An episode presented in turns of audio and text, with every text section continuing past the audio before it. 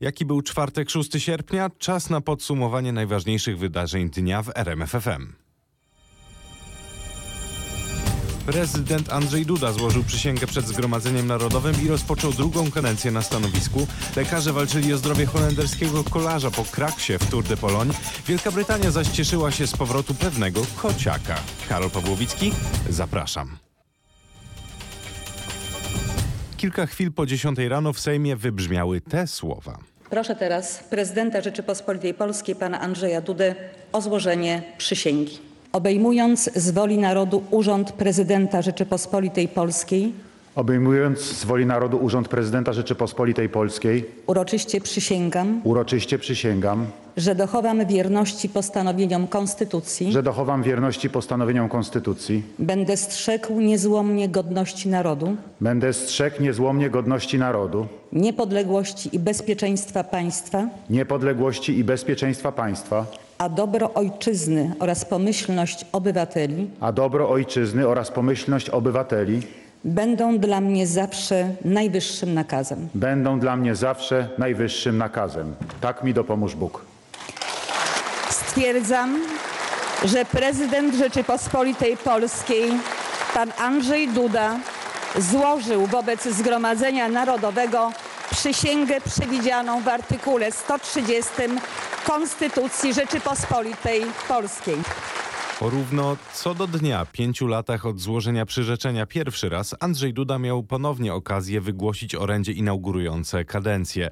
Relacja Patryka Michalskiego. Rodzina, bezpieczeństwo, praca, inwestycje i godność to pięć polskich spraw, o których Andrzej Duda mówił w swoim orędziu. Chcemy Polski ambitnej, Polski, która rozwija swój potencjał, w której powstają nowe, dobrze płatne miejsca pracy. Orędzie, jak to zazwyczaj bywa, zawierało fragmenty tak, by każdy mógł odnaleźć w nim właściwy dla siebie fragment.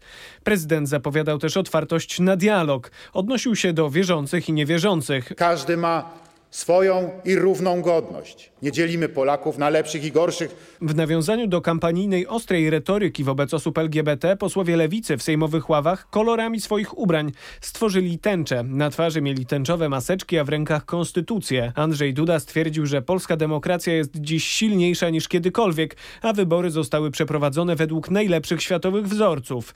Inne zdanie mają posłowie Koalicji Obywatelskiej, którzy poza symboliczną reprezentacją zbojkotowali uroczystość, bo według nich wybory nie były uczciwe. Prezydent w przemówieniu zapomniał, że ponad 10 milionów Polaków zagłosowało nie na niego, a na Rafała Trzaskowskiego. Ocenił w gmachu przywiejskiej poseł PO Robert Kropiwnicki. Podobnie uważa jego klubowa koleżanka Katarzyna Lubnauer, która oceniła, że Duda będzie prezydentem tylko połowy Polaków. Politycy opozycji nie chcą wierzyć w deklarację prezydenta o jedności. Więcej zaufania ma były prezydent Aleksander Kwaśniewski. Nie mam wielkich nadziei co do zmiany e, stylu prezydentury i e, treści prezydentury przez Andrzeja Dudę, no ale uważam, że na początku drugiej kadencji przynajmniej ten minimalny kredyt należy mu dać. Z taką oceną nie zgodził się gość rozmowy w samo południe w RMFFM, również były prezydent Bronisław Komorowski. Ja nie jestem bankiem y, i na żaden, na żadne procentu kredytów nie udzielam, ale mogę powiedzieć tylko tyle, że życzę panu prezydentowi Dudzie, aby się uniezależnił od Jarosława Kaczyńskiego i PiSu, aby szanował konstytucję. No wie pan, po pięciu latach pan prezydent często mówi o tym, że się zawsze uczy. No, uczył się pięć lat i efekty tej nauki jakieś pewnie są. Między innymi usłyszałem to, że dostrzegł po pięciu latach, że Polsce obywatele nie wszyscy są wierzący w Pana Boga, że są także ludzie niewierzący. No to powiedziałbym efekt dosyć ograniczony pięciu lat, jeśli chodzi o zdobycie wiedzy o własnym społeczeństwie, ale jest. No. I życzę, żeby pan prezydent rzeczywiście przez te pięć lat szanował konstytucję, e, ale szczerze mówiąc powątpiewam w to, czy to stanie się faktem, bo pan prezydent sam mówił, sam powiedział, w zasadzie powiedział niemal wprost, będę taki, jaki byłem. Zap- Pewnie miał na myśli wszystkie dobre rzeczy, ale ja mam prawo podejrzewać, Czyli życzy pan, ale nie do sprawach- końca szczerze, panie prezydencie, no bo tak jak pan mówi, powątpiewa pan to, to. To są pobożne życzenia z tego, co pan mówi. Tak wynika z pana słów. pobożne życzenie prezydenta Dudy? Y, No pana może, wie pan, no ja, ja, ja, ja zakładam, że, że każdy człowiek chce być lepszy niż, niż jest. I zakładam, że prezydent Duda także wie, gdzie popełnił błędy i za które zapłaciła polska demokracja. E, ale odnoszę wrażenie, że on spróbował stare treści, stare poglądy trochę sprzedać tylko w nowej formie. To znaczy coś mówił o demokracji, nie wspomniał prawie nic w ogóle o integracji europejskiej, co też jest charakterystyczne.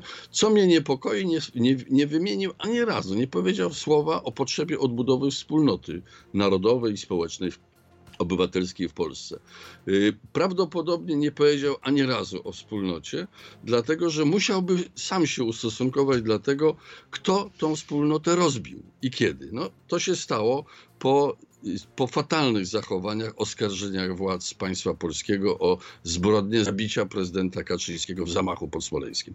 No więc musiałby się do tego ustosunkować. Panie prezydencie, co pan zapamiętał w takim razie z wystąpienia Andrzeja Dudy? Czy coś panu szczególnie zapadło w pamięć, pozytywnego bądź negatywnego? No się pewnie pozytywnego. Nie wiem, czy z jakimiś dalszy, dalej idącymi skutkami. Pan prezydent po raz pierwszy chyba określił siebie jako demokratę. No tylko do określenia, do praktykowania jeszcze jest długa droga. No więc to, to, to mi zapadło, zapadło w pamięć. Resztę traktuję trochę jako no, taki teatr. Andrzej Duda powiedział to, co mu napisał Jarosław Kaczyński. Tak politycy lewicy oceniają orędzie prezydenta, którym zainaugurował swoją drugą kadencję. Bardzo mnie y, zmartwiło, kiedy pan prezydent zaczął mówić o równości, jednak nie skończył tematu, czyli nie powiedział o równości kobiet i mężczyzn, nie powiedział o równości ze względu na orientację seksualną. Przecież to w kampanii prezydenckiej rozpętała się ta ogromna nagonka na osoby LGBT, która trwa do dziś. Mówiła wicemarszałek Senatu Gabriela Morawska-Stanecka. Według posłów PiS Andrzej Duda przedstawił w orędziu spójną wizję prezydentury, ofertę między innymi dla rodzin, przedsiębiorców i rolników. Orędzie było krótkie, ale treściwe, odnoszące się do najważniejszych spraw w naszym państwie. Były też e, odniesienia do szczegółów, do ważnych programów Centralnego Portu Komunikacyjnego, Kopu Mierzei. Jestem z naszego prezydenta, z tego co zawarł w orędziu. To Marek Suski, a o oczekiwaniach na kolejną kadencję prezydencką mówił też Szymon Hołownia, lider ruchu Polska 2050, cytowany przez TVN24. Miał pięć lat na to, żeby pokazać, że jest prezydentem rzeczywiście Rzeczpospolitej Polskiej, w sensie prawnym nim dalej będzie, ale w sensie faktycznym będzie przecież prezydentem Prawa i Sprawiedliwości, tak jak było to do tej pory. Złożył przysięgę, że będzie y, strzegł postanowień Konstytucji y, w, i jej nienaruszalności, złamał ją wielokrotnie.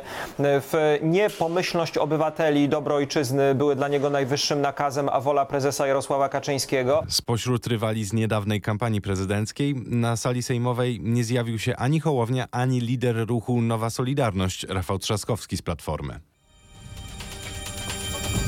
O szansach obu polityków na zdobycie w kolejnych wyborach większości głosów przy pomocy ruchów obywatelskich mówił w RMFFM Bronisław Komorowski. To jest według mnie dobry pomysł. Obydwa są dobrymi pomysłami. No skoro to jest dobry pomysł, panie prezydencie, to czy pan by się zaangażował do y, tego ruchu Nowa Solidarność? Czy stanąłby pan z Rafałem Trzaskowskim, powiedział e, razem z Rafałem Trzaskowskim chciałbym was zaprosić do tego ruchu społecznego?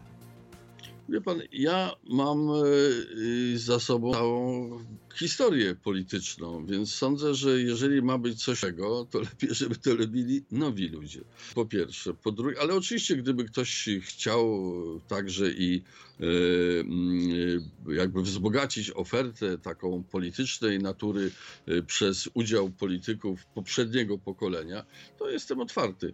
Natomiast chcę powiedzieć, że z mojej strony jest rzeczą bardzo istotną to, aby opozycja jako całość, nie tylko koalicja obywatelska, zdołały zbudować formułę, jakby polityczne, polityczną inicjatywę, która by była atrakcyjna dla ludzi o poglądach umiarkowanie konserwatywnych. Nie ukrywam, to są moje także poglądy, ale uważam, że przyszłych wyborów parlamentarnych nie da się wygrać z PiSem, jeśli się nie zbuduje politycznego wehikułu, który będzie, będzie szansą dla ludzi o, o, o umiarkowanie konserwatywnych poglądach, centrokonserwatywnych. Taką ofertę chyba chciał zbudować e, pan Władysław Kosiniak-Kamysz. E, mówił o tym przed wyborami, ale wybory no jakby nie pod, chyba podkopały to na realizację tego sukcesu, tego, tego projektu. Taką szansę ma cały czas, ale nie jestem pewien, czy będzie chciała skorzystać Koalicja Obywatelska na odbudowanie kiedyś istniejącego silnego skrzydła konserwatywnego, którego ja również byłem cząstką swego czasu. Yy, bardzo bym sobie tego życzył, ale też jest trzecia oferta w tym obszarze, trudna do zrealizowania, to jest oferta pana Szymona Hołowni, który tak adresował swoje propozycje polityczne, że one były w znacznej mierze też do zaakceptowania i były interesujące jako alternatywa y, dla umiarkowanych wyborców PiSu. Czy Więc widzi są pan, te trzy y, możliwości. Cała rozmowa Pawła Belinowskiego z byłym prezydentem RP na rmf24.pl. Niedobre wieści dochodzą do nas z frontu walki z koronawirusem. W czwartek w naszym kraju odnotowano kolejne 726 przypadków zakażenia. Rekordowe 726 przypadków. Tomasz Skory. Nieodmiennie przoduje Śląsk, gdzie z powodu powszechnie prowadzonych testów przesiewowych w kopalniach dzisiaj odnotowano 137 pozytywnych testów. Powyżej 100 zakażeń wykazały też województwa małopolskie 118 i mazowieckie 107. W Wielkopolsce odnotowano dzisiaj 89 zachorowań. Najmłodszy naściorga zmarłych w związku z koronawirusem w ciągu ostatniej doby miał 43 lata. Zdecydowana większość z nich to seniorzy, cierpiący też na inne schorzenia poza zakażeniem. Dzisiejsze dane to kolejny zły rekord. Do dziś jeszcze nigdy liczba nowych chorych nie przekroczyła 700. W ciągu pięciu miesięcy epidemii łącznie zachorowało już ponad 49,5 tysiąca osób, a zmarły 1774. Obowiązek noszenia maseczek ochronnych po wyjściu z domu wraca w dziewięciu powiatach. Taką decyzję ogłosił minister zdrowia Łukasz Szumowski. Przepisy będą obowiązywać od północy, w nocy z piątku na sobotę. Fakty w tej sprawie zebrał Michał Dobrołowicz. Dobry wieczór. Najostrzejsze restrykcje będą obowiązywać w czterech województwach, przede wszystkim na Śląsku, a także w Wielkopolsce, Małopolsce i w województwie łódzkim. Chodzi o powiaty Ostrzeszowski, Nowosądecki, Wieluński, Pszczyński, Rybnicki, Wodzisławski, a także o samą Rudę Śląską i o Nowy Sącz. Tam za niecałe 30 godzin zacznie obowiązywać tak zwana czerwona strefa. Mieszkańcy będą musieli nosić maseczki po wyjściu z domu, nie będą mogły działać kina i siłownie. Pojawi się też nowy, ostrzejszy limit osób na weselach do 50 osób. Po prostu musimy trochę się otrząsnąć. Apel o takie otrząśnięcie się z beztroski dotyczy całej Polski. Kolejne, tym razem łagodniejsze obostrzenia, jak podkreśla minister zdrowia Łukasz Szumowski, dotyczą 10 kolejnych powiatów. Tam pojawią się nowe, mniejsze limity w sklepach i restauracjach oraz dodatkowy limit na weselach do 100 osób. Chodzi m.in. o powiat wieruszowski w województwie łódzkim, jarosławski i miasto Przemyśl na Podkarpaciu, powiat cieszyński na Śląsku, oświęcimski w Małopolsce, a także powiat pińczowski w województwie świętokrzyskim. Pełną listę obostrzeń dla stref przygotował Grzegorz Kwolek. W strefie czerwonej obowiązek zakrywania usta i nos przy każdym wyjściu z domu, zakaz targów, konferencji, pokazów filmowych, koncertów, przedstawień teatralnych czy organizowania imprez sportowych z udziałem publiczności. W projekcie wpisano, że dotyczy on także wyścigu kolarskiego Tour de Pologne. Nie wolno prowadzić siłowni, wesołych miasteczek i uzdrowisk. Są też nowe limity. Wszystkie zgromadzenia i imprezy rodzinne, w tym wesela do 50 osób. W kościołach połowa, w restauracjach jedna osoba metry kwadratowe, a w transporcie zbiorowym połowa miejsc siedzących. W strefie żółtej nie ma większości powyższych zakazów, ale są zaostrzone limity liczby osób. To jedna czwarta miejsc na imprezach sportowych, kulturalnych i y, kinach. Zgromadzenia imprezy rodzinne do 100 osób. Od 1 września osoby nie noszące maseczek będą musiały pokazać odpowiednie zaświadczenie od lekarza. Skąd zmiany przepisów dotyczących noszenia maseczek i przyłbic? Mówił o tym wiceminister zdrowia Janusz Cieszyński. Ze względu na to też, o czym mówił pan minister Szumowski, czyli na to, że y, według naszych ekspertów nie ma y, wielu istotnych przeciwwskazań medycznych do tego, aby y, nie zasłaniać od 1 września obowiązek posiadania zaświadczenia. To informujemy o tym dzisiaj, informujemy o tym dzisiaj tak, aby każdy mógł w nadchodzących tygodniach o takie zaświadczenie wystąpić. Przy czym, tak jak wskazywał pan minister Szumowski, liczba takich przypadków powinna być bardzo, bardzo niewielka. A o reakcję mieszkańców na wprowadzenie strefy czerwonej w Rudzie Śląskiej pytała nasza reporterka Anna Kropaczek. Do kościoła nie chodzę, a to jest jedna wielka ściema. To tak pomaga jak stringi zimą. Ale pani nosi maseczkę, tak? No muszę, bo inaczej kara. Emerytki stać? Pani jest w maseczce. Jestem, no. Cały dzień pani w tej maseczce? Cały dzień. Jestem przyzwyczajona już do tego. To dobrze, że tutaj takie obostrzenia są wprowadzane? Tak jest bezpiecznie, mi się tak wydaje, nie? No muszą być, niestety, może nawet y, mogłyby być jeszcze ostrzejsze, żeby ta choroba znikła. Ja jestem jak najbardziej za tym. Uważam, że, że trzeba to coś z tym zrobić, tym bardziej, że jest wzrost zachorowań. Gdzie i jakie nowe restrykcje pojawią się od najbliższego weekendu? Te informacje i dokładne mapy znajdziecie na rmf24.pl. Pozostajemy na Śląsku. Duńczyk Mads Petersen został zwycięzcą drugiego etapu Tour de Pologne w Zabrzu. Drugi etap wyścigu pozostaje jednak w cieniu środowych wydarzeń. Przez ostatnie kilkadziesiąt godzin lekarze walczyli o zdrowie holenderskiego kolarza, który, który ucierpiał w dramatycznym wypadku na mecie wyścigu Tour de Pologne w Katowicach. Jakie są rokowania lekarzy ze Szpitala Świętej Barbary w Sosnowcu? Ostrożne, ale według lekarzy ważne jest to, że kolarz nie doznał obrażeń mózgu i kręgosłupa. E, Tak przynajmniej wynika z przeprowadzonych do tej pory badań tomograficznych. Ma urazy przedniej części głowy, twarzy, był operowany w nocy przez chirurgów szczękowych i laryngologów. E, Ma też uraz klatki piersiowej. Dr Paweł Grynpeter, zastępca dyrektora do spraw lecznictwa w Sosnowieckim Szpitalu, e, mówił też, że dużo więcej będzie wiadomo po wybudzeniu kolarza ze. Mamy nadzieję, że dzisiaj się dowiemy o tym, jak wygląda jego stan świadomości i będzie można również wdrożyć takie postępowanie ze zakresu chirurgii plastycznej, bo taką e, możliwość w tym szpitalu również posiadamy. O stanie zdrowia Fabia Jakobsena Anna Kropaczek, a sprawcą wypadku był inny holenderski kolarz Dylan Hrenewegen. O konsekwencjach, które mogą go spotkać, Wojciech Marczyk z redakcji sportowej. Hrenewegen, który w wypadku sam złamał obojczyk, został już zdyskwalifikowany z Tour de Polonii. Etapowe zwycięstwo przypadło Jakobsenowi. Międzynarodowa Unia Kolarska skierowała już także sprawę do komisji dyscyplinarnej i niewykluczone, że holenderskiego kolarza czeka dłuższa dyskwalifikacja oraz kary finansowe. Pozwać Hrenewegena chce również ekipa Jakobsena, czyli Quickstep. Tegoroczny sezon kolarski z powodu pandemii jest bardzo krótki i intensywny, więc Czesław Lang, organizator Tour de Poloń, spodziewał się ostrej walki, ale nie nieczystej. Wiedzieliśmy, że ten wyścig będzie na, naładowany wielkimi gwiazdami kolarskimi, będą walczyli bez pardonu, no i to się zobaczyło na pierwszym etapie. Głos zabrał też sam Hrenewegen. To okropne, co się wczoraj stało. Nie mogę znaleźć słów, by opisać, jak przykro mi z powodu Fabio i innych, którzy upadli lub zostali potrąceni, napisał na Twitterze sprawca wypadku. Amerykański sekretarz stanu Mike Pompeo odwiedzi Polskę z okazji obchodów stulecia Bitwy Warszawskiej. Wizyta będzie częścią dorocznego tournée Pompeo po Europie Środkowo-Wschodniej. A tymczasem do obchodów rocznicy szykuje się Łódź, a to za sprawą pewnej wystawy. Wyjątkowej wystawy związanej z obchodami setnej rocznicy Bitwy Warszawskiej i obchodami Święta Wojska Polskiego. W jej skład wejdą eksponaty zgromadzone m.in. przez łódzkie Stowarzyszenie Czerwone Berety. To oryginalne mundury żołnierzy Wojska Polskiego z różnych epok. Do tego broń, wyposażenie i dokumenty. Eksponatów udało się zgromadzić wyjątkowo dużo. W naszym mieście nie ma spadochroniarzy, nie ma jednostki spadochronowej, natomiast największy po prostu zainteresowanie, największe eksponaty, które są w Polsce, to są właśnie w Łodzi. Wszyscy się zastanawiają dlaczego.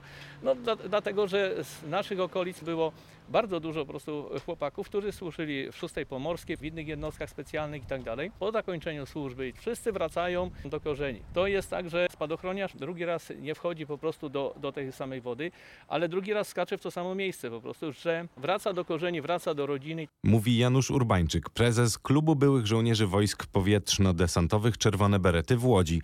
Miłośnicy militariów będą mogli przymierzyć spadochron D5 z zapasem i zmierzyć się ze składaniem i rozkładaniem karabinu kałasznikow.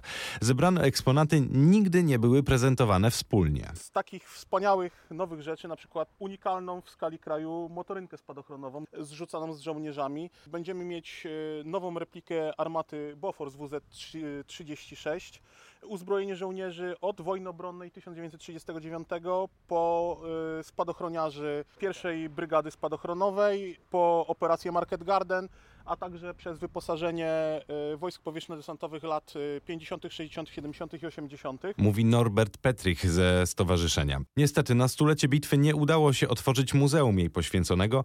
Wbrew zapowiedziom rządu nie udało się ukończyć placówki w Ossowie na okrągłą rocznicę polskiego zwycięstwa.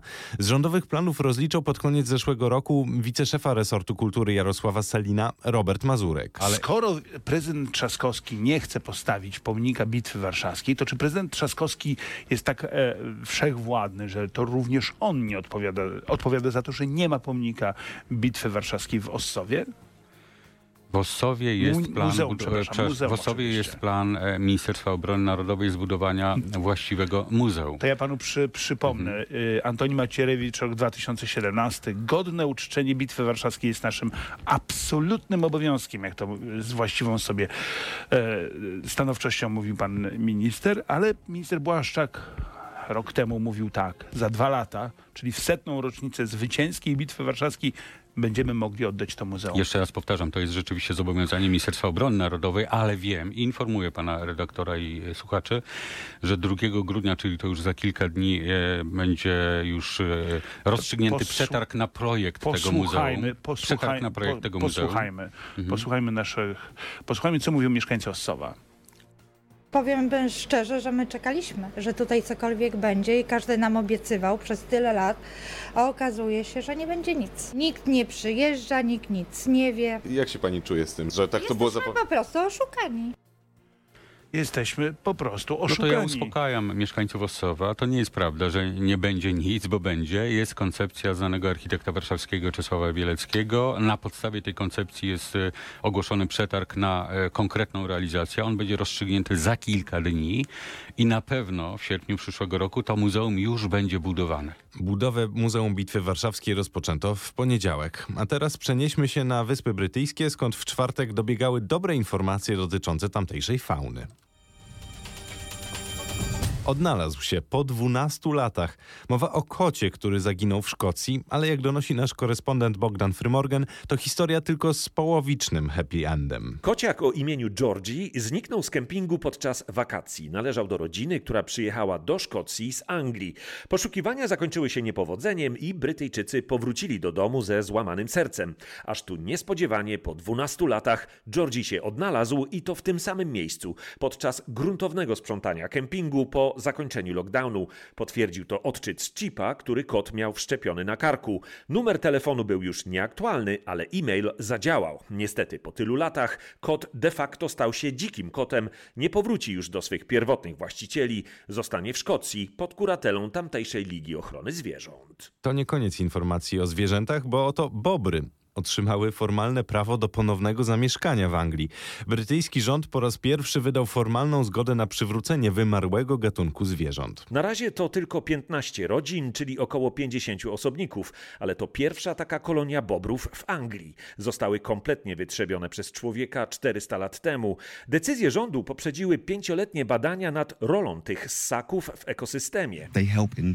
Chronią nas przed powodziami, budując tamy i poprawiają jakość wody. Są bardzo pożyteczne, mówi Steve Hussey z Agencji Środowiskowej Hrabstwa Devon. Decyzja brytyjskiego rządu umożliwi zakładanie kolejnych kolonii i udzielenie wsparcia finansowego farmerom, którzy zgodzą się na obecność bobrów na ich ziemi. To dopiero początek akcji, która ma na celu szerszą regenerację natury. Ale my, Polacy, nie czujmy się gorsi. Też mamy swoje powody do zwierzęcej dumy, a nawet ptasiej dumy, bo oto historia łabędzi, które postanowiły pożegnać się z domem. Od wiosny był nim staw Miejskiego Przedsiębiorstwa Wodociągów i Kanalizacji we Wrocławiu. Ptasia para miała tam gniazdo, odchowało sześcioro młodych i nadszedł ten dzień, kiedy cała rodzina zechciała pójść w świat. Łatwo nie było, ale na szczęście pomogli ludzie. Zauważyliśmy, że dzieje się coś nietypowego.